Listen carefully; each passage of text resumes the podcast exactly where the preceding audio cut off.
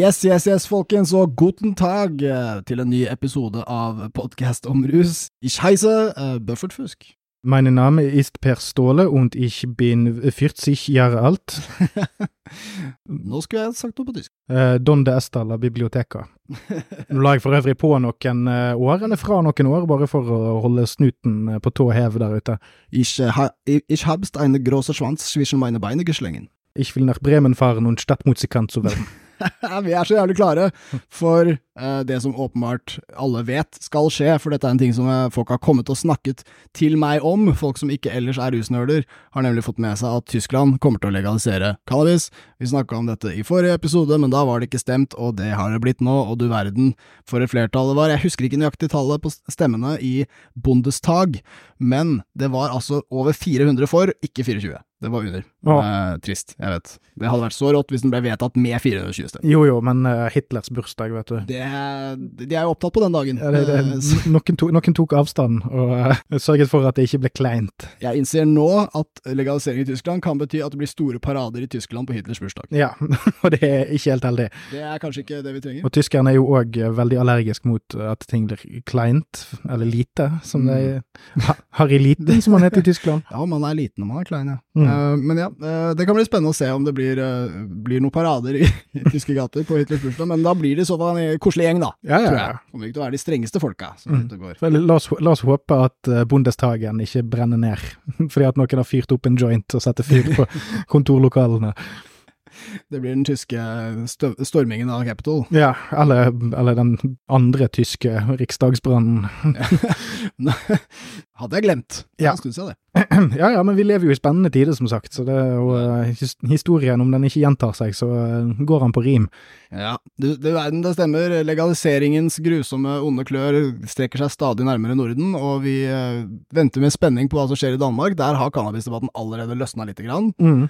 Så de, de ser det nok komme. Jeg bare håper det går kjapt, at de ikke trenger å telle alle pengene til tyskerne før de setter i gang. Ja, og så sånn apropos det med, med Tyskland, altså sånn når vi lever i såpass pressede tider som vi gjør, eh, og vi, vi har jo sett hvordan det har gått andre tider, når, eh, andre gang i historien eh, når eh, det har vært anspent eh, stemning mellom stormaktene i verden, men eh, da må vi jo kunne si det at om tyskerne tar seg en, en, en liten chill bønne istedenfor å drikke seg drita, så må jo det bare bidra positivt. Ja, ja, At de ikke blir aggro og eh, angrepsklare. Ja, vet du, det, som vi så i et fotball-VM i Benelux-landene, hvor de sluset britiske supportere ned på coffeeshopper så de ikke skulle slåss, funker det faktisk jævlig bra. Nederlandsk politi win. Men eh, ja, dempe tyskerne litt, eh, kan ikke skade. Den reformen som ble vedtatt, og som nå er litt sånn skrevet i stein fordi det er det de faktisk har eh, sagt ja til, det, der var det altså egentlig, før den ble revidert, en plan om at de også skulle lage utsalgssteder, i form av en eller annen coffeeshop-ordning eller så. Men det har de altså droppa, eh, etter press fra EU visstnok, fordi EU er jo så bekymret for all eksporten av, eh, av weed. Fordi ellers kan jo eh, cannabis spre seg rundt i EU, og det Mm. ville jo vært noe helt nytt og fryktelig. Ja, ja huff a meg. Eh, Så de, de går for en sånn lukket klubbmodell. Det blir litt sånn som eh, de har i Barcelona og lignende. Da skal de også gjøre det med mål om å holde turister unna. Og det sa de også i eh, Barcelona, en by kjent for at det er veldig lett å kjøpe seg tilgang på en klubb. Ja, eh, det vil vel eh, kanskje Hvis de ikke har ansikts-ID på de kortene, så vil det jo eksempel være litt enkelt å leie det ut. Ja. Ja, og, det der er jo Det der er jo ting de slenger på fordi at det skal være restriktivt og bla, bla, bla. Det der kommer til å koke vekk i, i, i kålen eller i sauerkrauten, om du vil, ganske fort. Ja, absolutt. Det er, og, og dette er, det er litt sånn som når de skal forby vape og, og, og sånne ting også. Så dette er gråsone-kings. Altså, dette er de som alltid har danset rundt på liksom de etiske og alle mulige slags skillelinjer. Så, så bare, bare la, dem, la det gå seg til. Jeg husker litt sånn når de innførte tobakksforbud, at det ikke var lov å røyke tobakk inn i Nederland lenger, men cannabis var fortsatt lov Mm. på coffeeshoppene. Uh, så var det alle spørsmål om det til sånn, uh, de som jobbet der og sånn, ble alltid møtt med 'vi ser ingen tobakk, vi vil ikke ha noen tobakk her', og så bare fortsatte alle å putte tobakk i jointen likevel. Altså, de, de bare finner en vei. Ja, men på papiret er det strengt, og det er det viktige. Life finds a way, Ja. som eh, Jeff Goldblum en gang sa. Det er kanskje litt drøyt av meg å putte tyskerne i bås med nederlenderne, men det er eh, mye overlapp, er lov å si. Og, Mm. og nederlenderne er jo, er jo kongene av eh, Så lenge det er, ser alvorlig ut på papiret, så er alle fornøyd med at vi ikke er alvorlige. Og det, jeg elsker virkelig hvordan cannabis i, i Amsterdam for eksempel, er fortsatt forbudt på papiret. Hvis du sjekker, det er ingen tvil om at det er forbudt, men dette er et land hvor du kan gå inn i en butikk, kjøpe en pose med cannabis, gå vifte det foran ansiktet til politimannen ute på gata og si 'den her skal jeg røyke nå, den har jeg, dette er min weed', og så sier politimannen 'dra for deg, ha en flott dag'. Men det er ikke lovlig. Dessverre så har jo nå eh, Senterungdommen gått hardt ut og krevd at politiet nå må få de verktøyene de trenger for å arrestere Tyskland.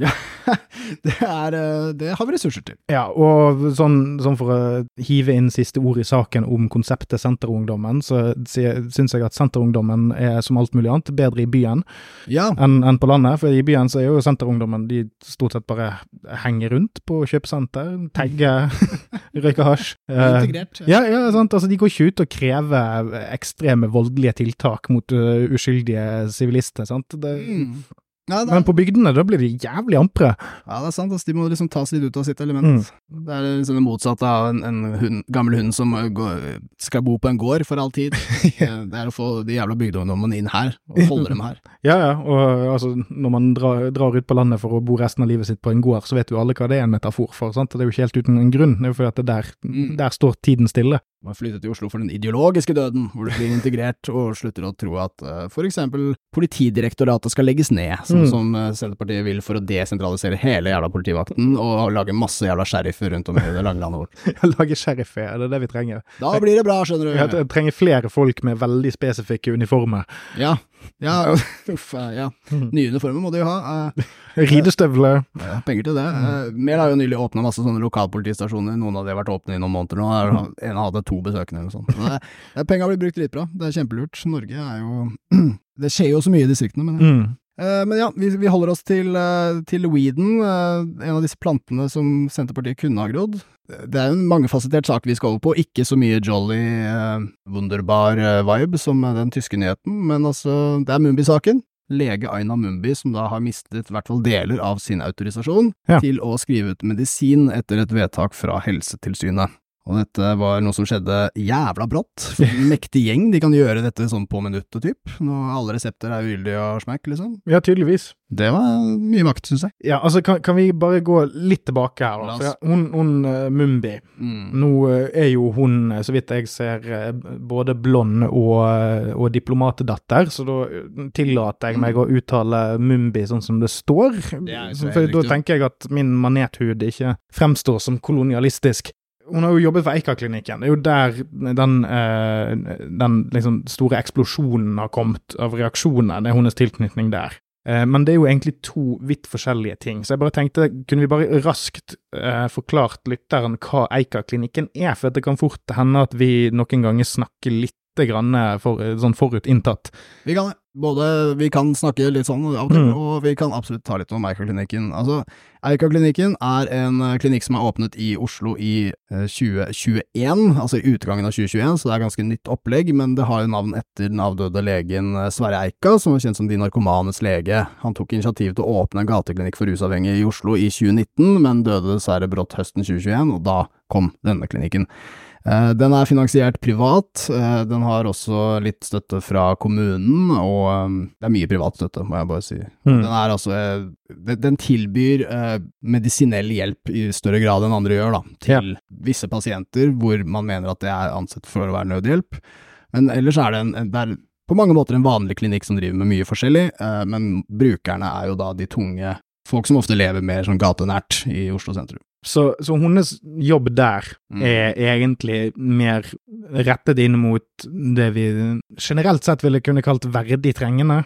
Ja. Selv om, eh, selv, altså nå snakker jeg om i politisk korrekthet språk, eh, så sånn, det er rettet mer inn mot virkelig eh, tunge rusmiljøet Mm. i større grad. Mm. Eh, mens denne eh, saken der hun nå har mistet eh, autorisasjon, eller i hvert fall eh, mulighet til å jobbe uten tilsyn eh, fra en annen lege, Mm. det er da knyttet til hennes eh, altså praksis hun har andre steder. Ja, det stemmer. Eh, så vidt jeg har skjønt det, og igjen, det er mye detaljer i denne saken, så hvis jeg sier noe feil, så uh, hat meg for alltid, og også podkastomrus.gamer.com.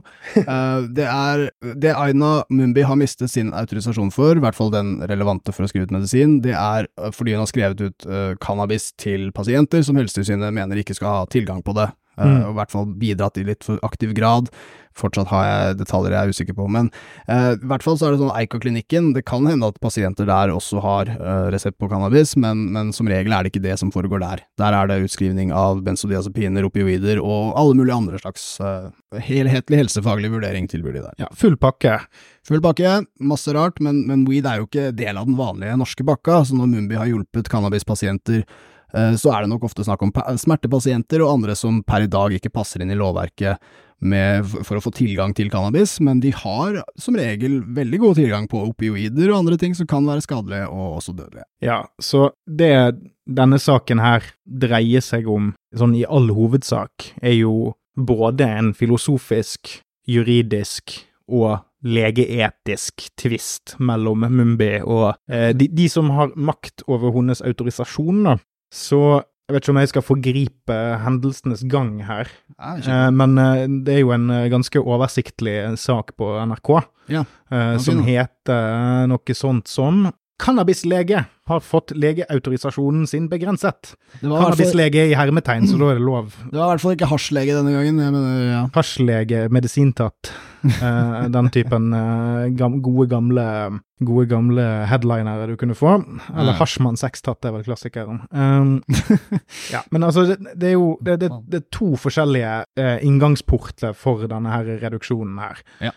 Det ene er at det har, det har, kommet bekymringsmeldinger fra både politi og helsevesen, som mm. da til sammen utgjør en sånn Når du ikke vet hva de konkrete anklagene er, så høres jo det veldig, veldig, veldig, veldig alvorlig ut. Men så står det jo her altså I 2021 kom det melding fra politiet om at en av hennes pasienter hadde, hadde blitt tatt for ruskjøring med 1,2 i promille.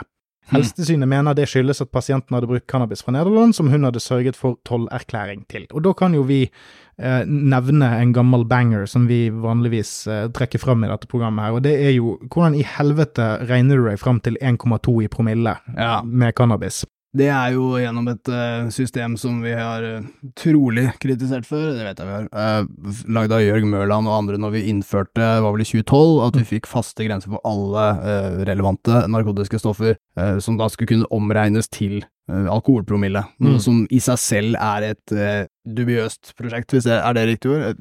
Bare på engelsk er det i hvert fall det. Fucking bare kødd. Jeg vil ikke anglifisere. Det er, det er bare vitenskapelig så er det på jævla tynn is. ja, spuriøse sammenhenger er noe annet igjen. Ja, uansett. Det, det, er på tynn is, altså. Det, dette er ikke noe man gjør i veldig mange land, og, og metodene i seg selv er veldig omstridt. Og i tillegg til det, så er det jo selvfølgelig en veldig streng Altså, lista er jo selvfølgelig lagt lavt. Det er jo ikke sånn at de Eh, altså tolker helt nøytralt, vil jeg si. Det, Norge har en av de aller strengeste tolkningene mm. av, av, hvordan den uh, påvirker kjøreegenskaper og gir beruselse, da, cannabisrestene de har i kroppene sine.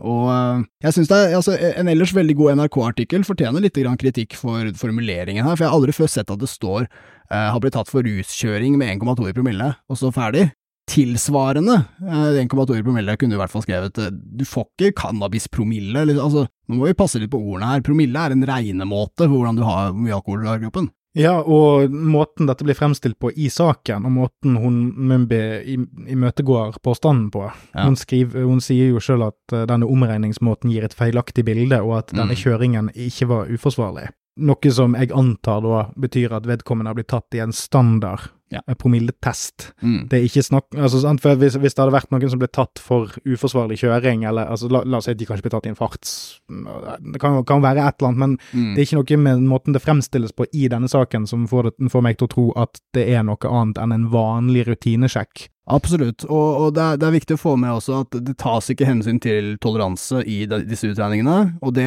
det, høres kanskje drøyt ut, jeg syns det for så vidt er det, men, men, samtidig er det et forståelig prinsipp. Vi gjør ikke mm. det med alkoholikere heller, de kan ha veldig høy promille, men vi dømmer dem som, ja. som om de var fullere enn de er, da, håper jeg å si. Og det har jo noe med risikoen ved å sette seg bak rattet og være drita, det er en mm. litt, litt annen effekt problemet med at cannabis sitter så lenge i kroppen, og også kan på en måte kumulere, ikke, ikke mm. aktive virkestoffer, så det er ikke stein, men, men at det, det, er noen spor som på en måte ser ut som du har brukt veldig mye, og, og de sitter i lenge. Så, så blir det noe litt annet, fordi de lovene er så strenge at de ender med å dømme folk for å kjøre berusa når de ikke er berusa. Mm. Så det er problemet med de. Men når jeg hører at denne pasienten av, av Mumbi har hatt 1,2 i tilsvarende alkoholpromille, så tenker jeg det har å gjøre med en person med høy toleranse, som ikke At det ikke sier så veldig mye om det var ruskjøring eller ikke, faktisk. Og, og hvis man er en cannabispasient, så bruker man sterk cannabis, og man bruker det ofte, man bruker det ofte og regelmessig. Så da vil toleransen være på sitt aller høyeste. Det er dessverre vanskelig å si, selv om det kan hende,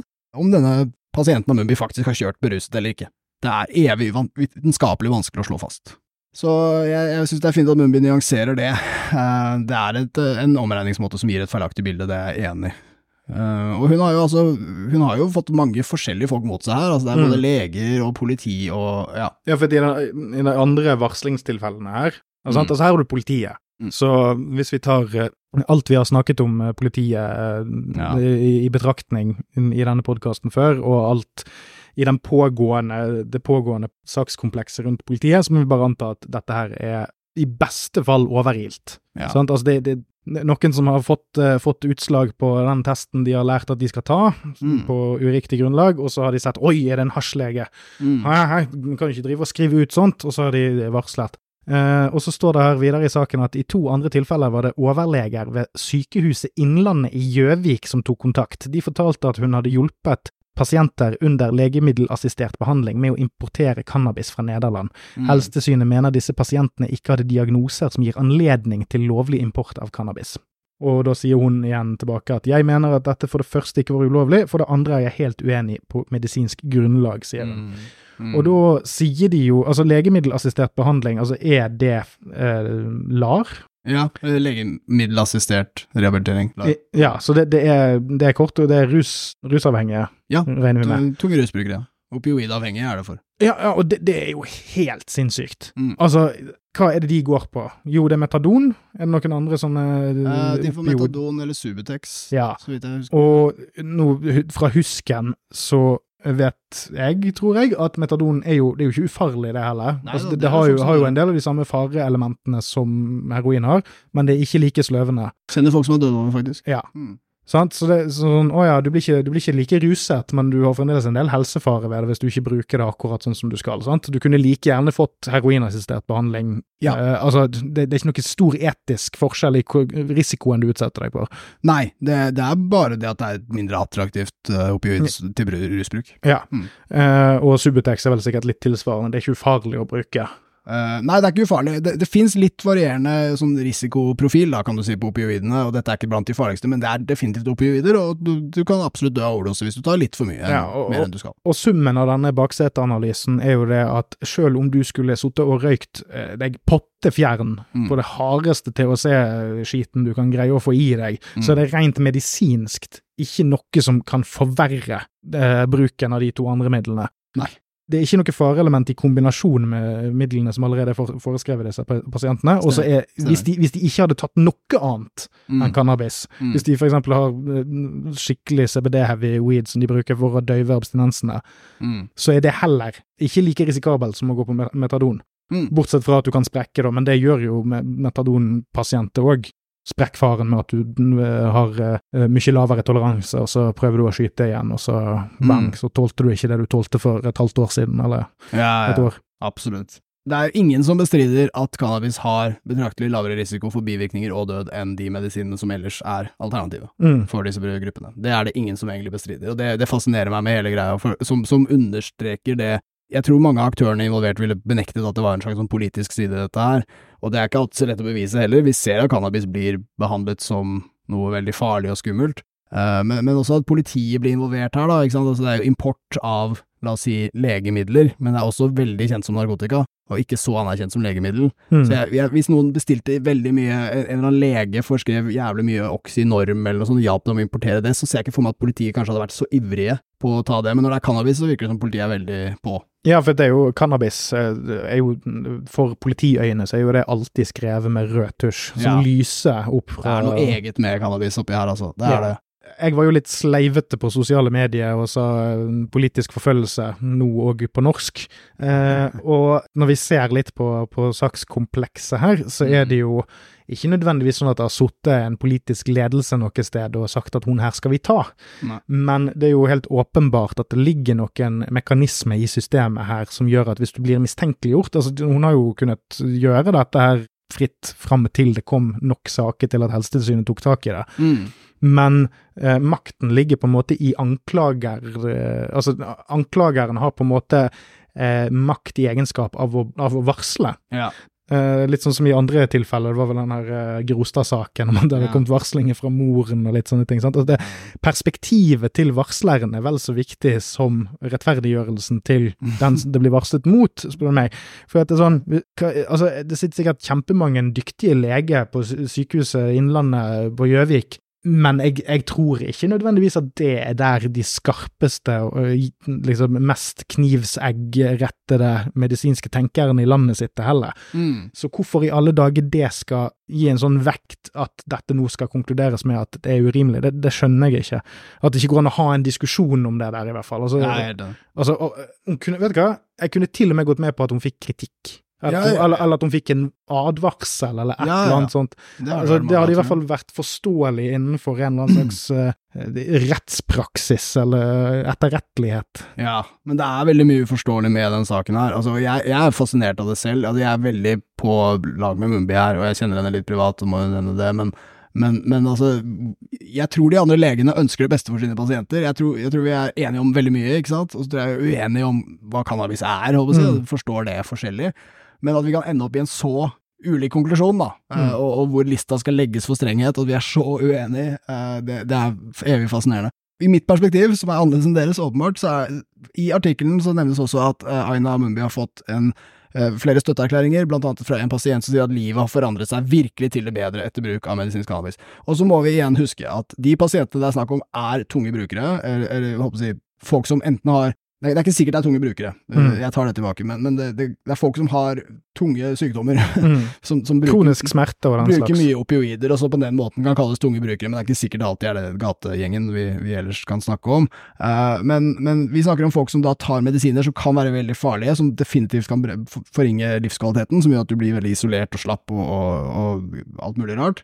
Og så har vi da, så, så det er ikke hvem som helst som er pasienter, de er veldig sårbare, og de er utsatt uansett. Og så har vi en medisin som ingen egentlig kan peke på noen skikkelig alvorlige bivirkninger av, ingen kryssrisiko, eh, som du var inne på. Det, det er på en måte, det som kan være skummelt med medisinen, er at du kan få cannabisavhengighet, eller liksom bli, bli lokket inn i narkoverden, eller et eller annet jeg ikke helt skjønner. Mm. Fordi når det er En heroinist som begynner å røyke hasj, er ikke nødvendigvis den første til å begynne å trekke på gaten. Ja. Å, eller han gjør sikkert det, men det er det beste han kan trekke på gaten for å skaffe seg. Absolutt, og, men én ting er at når norske, når norske leger eh, hevder at det finnes ikke bra nok studier, f.eks. på å bevise at cannabis har bedre effekt enn mange andre ting på, på smerte. Mm. Greit nok, ok, forskningen ligger der. Selv om jeg har mange meninger om hvorfor det er sånn, så, er, så kan jeg godkjenne det som et slags eh, fakta. Og så er det litt strid blant norske leger om hvorvidt uh, det å bruke cannabis reduserer forbruket av Mm. opioider. Og der mener jeg vitenskapen er ganske tydelig, uh, av det jeg har sett, for det, det har de forska mye på i USA og sånn, og der er det altså tydelig nedgang. Og, og jeg vil egentlig nøye meg med å si i hvert fall ikke oppgang. I hvert fall ingen økning. Trolig nedgang i opioidbruk, alltid bra. Eh, men det er jo, når de først er på en dose, så er det ikke så lett å Mm. kutte den og sånn. Men, men ingen økning, da. Hvis du eksempel går på opioider, så er det veldig dumt hvis du øker dosen. Mm. Hvis, det, hvis du stopper den trappa der, med cannabis eksempel, kjempestor effekt. Så, så de positive egenskapene virker veldig tydelige. Og hvis det er én pasient som på en måte har begynt med en medisin, og fått et mye, mye bedre liv i en veldig vanskelig situasjon, og den medisinen ikke har så mye bivirkninger, så er jeg allerede sånn Er ikke det nok? er ikke det ene tilfellet nok til at vi burde chille litt? Ja, og nå, nå skal jeg være igjen sånn, sånn doktor uh, Doktorfiloss, holdt på å si, eller en eh, sånn uh, jeg, har sett, jeg har sett noen episoder av House MD og eh, Chicago Hope. Flere episoder, ja. ja. Opptil flere, så jeg, jeg kan diagnostisere vel så bra som en livlege fra 1700-tallet, f.eks. Det lupus, er det ikke? Ja, og så må du bruke, du må huske å bruke blodigle for å blodlate og Ah. av sånne, sånne ting. Årelating. Uh, det, det sitter i blodet, skjønner du. Um, poenget mitt var i hvert fall at eh, jeg kan godt se for meg at det finnes studier som norske leger kan lese, der f.eks. Eh, selvrapportering av smerteopplevelse, f.eks. Mm. At kanskje man kan se, når det gjelder smertelindringsaspektet med opioid, eh, opioidbruk versus cannabis, Mm. at cannabisbrukerne rapporterer kanskje tilsvarende smerte, eller kanskje litt mer smerte. Ja. Eh, det, sånn Jeg har jo ikke lest dette, det kan godt hende at det finnes en del sånne ting. Mm. Det jeg vil anta, er at det er en veldig stor forskjell på hva pasienten sjøl opplever. Mhm. Og nå tenker, Fordi cannabis kan fungere på en sånn måte at du vet at det var vondt, Mm. du kjenner det veldig godt, Ja. men du lar deg rett og slett ikke affisere like mye av det. it. Så du kan faktisk rapportere at du kjenner at du har vondt, Mm. og at du virkelig har men du blir ikke like deprimert av det. Du får ikke like vondt, du klarer å komme deg opp likevel. Det stemmer, og, og det, det betyr bare at hvis du hadde målt, øh, kunne måle smerte, det må vi snakke mer om, men altså, hvis du spør pasientene har du like vondt som før, ja ok, se der cannabis funker ikke, men hvis du spør pasientene øh, har du det bedre nå, Mm. øh, så ville alle sagt, på cannabis trolig sagt ja, i hvert fall et stort flertall, og da, så, så nei, det kan kanskje ikke dempe smerter på den samme måten som opioider kan, for Nei. det er en uhyre effektiv måte de gjør det på. Mm. Men så er det det at, at uh, likevel kan opioidbruken da gå ned eller stagnere, hvis man har noe som gjør at du gir blaffen i smertene, som weed ser ut til å gjøre. Ja, og så er det jo òg det at altså eh, Uansett hvor lav dose Altså, jeg, jeg kjenner folk som har vært i livstruende ulykker og har gått Mm. på opioider etter operasjoner og sånn, og som sjøl rapporterer at nå, må, nå var det vondt å trappe ned, liksom. Mm. Fordi nå kommer det tilbake igjen. Ja, Smerten fra operasjonen og, og de Absolutt. nervene som er kuttet av. Nå, nå er det helt sjukt vondt, mm. eh, og jeg blir deprimert av det, og la, la, la. Mm. Og, og at der er jo smerten omtrent helt vekke når Mm. når de får disse tablettene, ulike eh, ting som er skrevet ut, og så kommer virkeligheten krasjende tilbake. Mm. Uh, mens en person som røyker CBD-weed eller en eller annen kon, sånn nymoderne concoction fra eh, beste coffeeshopen i Nederland, vil La oss si at du har en mildere operasjon, da. Altså et eller annet som har smerte, men som ikke er livstruende, eller noe sånt. Mm.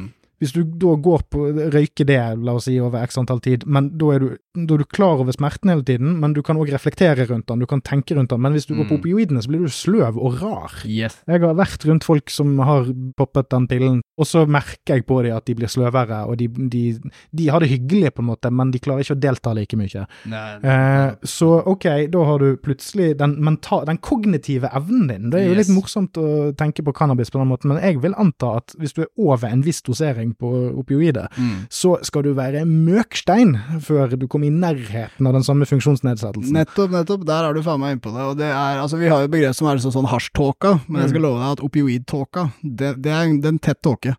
Og hvis vi først skal sammenligne disse to, så kan vi si at liksom, cannabis bidrar til at du, du gir faen. La oss Mm. kalle det gi faen-effekten. Den er der, og da demper ikke smertene direkte, men, men gjør at du gir faen i smertene og har det bedre med dem.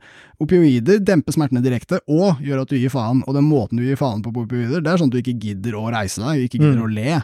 Uh, mens folk på cannabis, de kan få latterkuler som bare faen. ikke sant? Så det, Mm. du, det ene er åpenbart lettere enn det andre, og det andre er mer tungt og krevende, men effektivt. Og det er det de alltid sverger til, og det er det folk dør av. Det er veldig lett for meg å, å ta det poenget, fordi ingen Mm. dør av cannabis, ikke sant. Men, men det, det, de- har litt sammenfallende eh, virkning, Mm. men, men så er det folk som beskriver at når de har brukt cannabis og kutta ned på opioidene som følge av det, så begynner jo det nye livet. Da åpner tåka seg. Og, og det er ikke lett for folk å se dette for seg, fordi de tror at man får grumsete tåkete hjerne av cannabis, men, Mm. men det er ikke til å sammenligne hvor, hvor ille det kan være på opioider, altså. Ja, og så er det jo i tillegg altså sånn øh, det kre, Ditt indre liv blir jo òg desto mer Ja. øh, lammet. sant? Altså, det er veldig lite Jo mer opioider, jo mer, mer lammelse er det, og til slutt så står du der og har øh, leiligheten din full av sykler som du ikke vet hvor kommer fra. Ja. Det er en sånn ting hvis du blir opioidavhengig, da bare får du jævlig lyst på å sykle. Ja, det slenger på noe speed der. Så den DNB-en der, altså. Noen speed, så kan jeg mekke på dem også.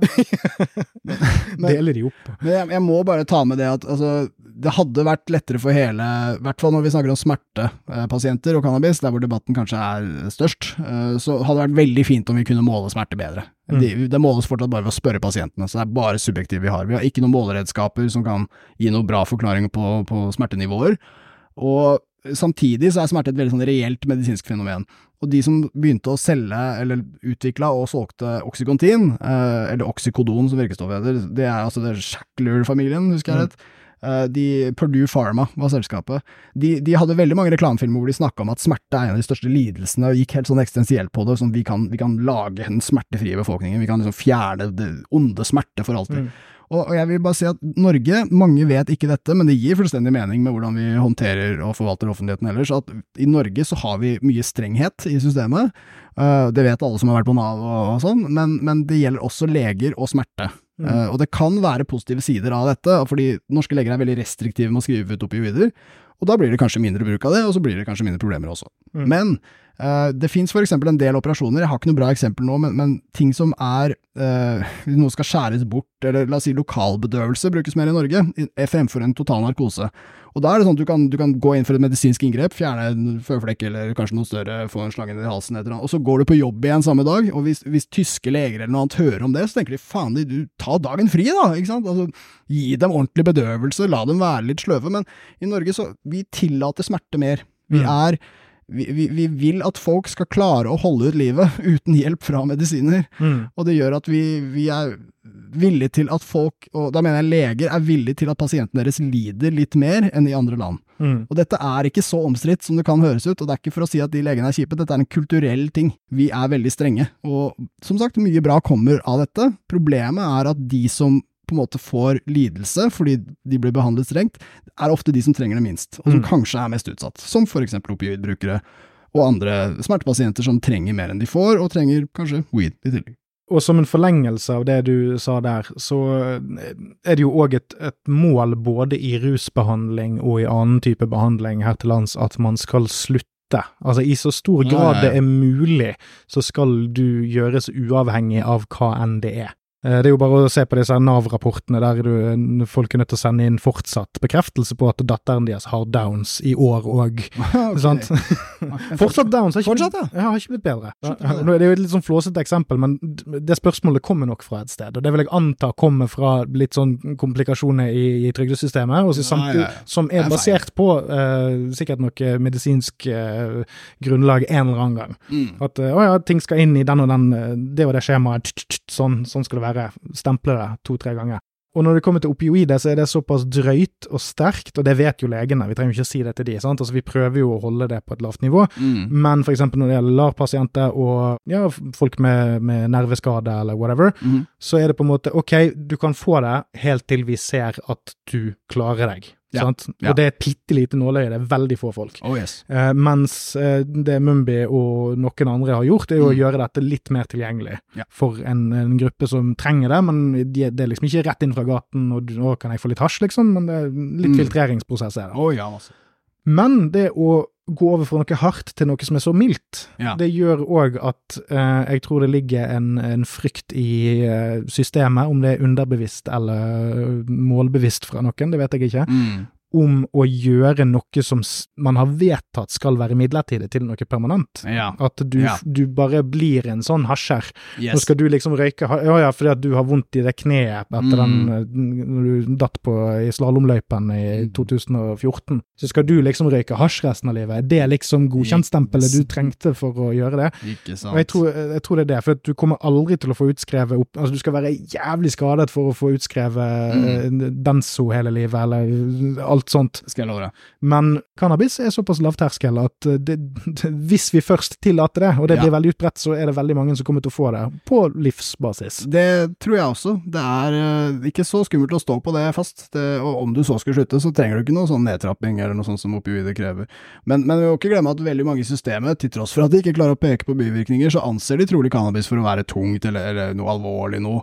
Og, og, da er det jo på en måte det at eh, de skal ikke introduseres til hasjens verden eh, på statens regning. altså Dagen de blir friske, dagen de skal på jobb igjen, gledens dag, så, så kommer de til å være fulle av cannabiserfaringer og, og oppsøke det på det svarte markedet eller lignende, og så er det staten som har introdusert dem. Men, men også for å, ikke, ikke, for å ta norske leger i forsvar, uh, for det vil jeg ikke gjøre altfor mye her, men, uh, men, for å forklare litt om, om, hvorfor det er komplisert med sånn smerte. Altså vi, vi, skal ta et land vi ikke ligner på, uh, og som vi ikke burde bli som heller, så er det jo USA. Mm. Og vi kjenner jo til den opioidepidemien, og hvordan markedskreftene bidro jævla negativt der, hvor de, leger bare ble til drugdealere. Og der vil du finne en kulturell oppfatning som jeg tror heller mer mot en slags sånn ja, men bare stå på opioider hele livet, da. Altså, så lenge det er tilgang til de, så det får du av meg. Eh, så bare ikke, ikke øk dosen. Ikke sant? Bare, bare fortsett sånn. Helt fint, det. Det er good.